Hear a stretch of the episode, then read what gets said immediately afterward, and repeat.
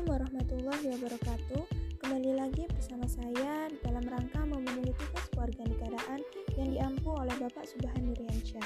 Pada penjelasan kali ini saya akan menerangkan terkait dengan pentingnya wawasan Nusantara dalam konteks negara kesatuan Republik Indonesia.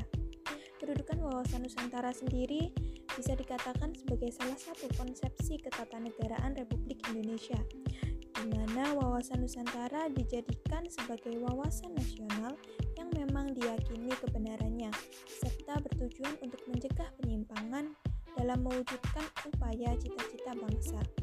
Dengan begini, akan mampu membantu menumbuhkan rasa jiwa nasionalisme pada setiap warga negara Indonesia. Alasan pentingnya wawasan Nusantara ini yang pertama, sikap nasionalisme yang tinggi terhadap bangsa dan negara. Selanjutnya, untuk memperkuat dalam membangun ketahanan nasional Indonesia. Dan yang terakhir, untuk mewujudkan persepsi atau cara pandang yang sama bagi seluruh warga negara Indonesia. Karena dengan cara pandangnya sama, nantinya diharapkan mampu membawa Indonesia menuju satu kesepahaman dan satu hati untuk mewujudkan cita-cita nasional.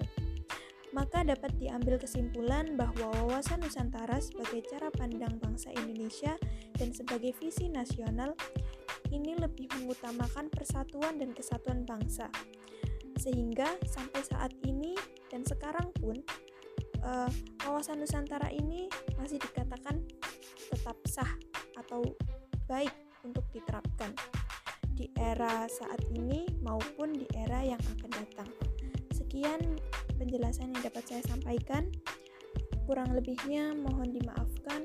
Wassalamualaikum warahmatullahi wabarakatuh.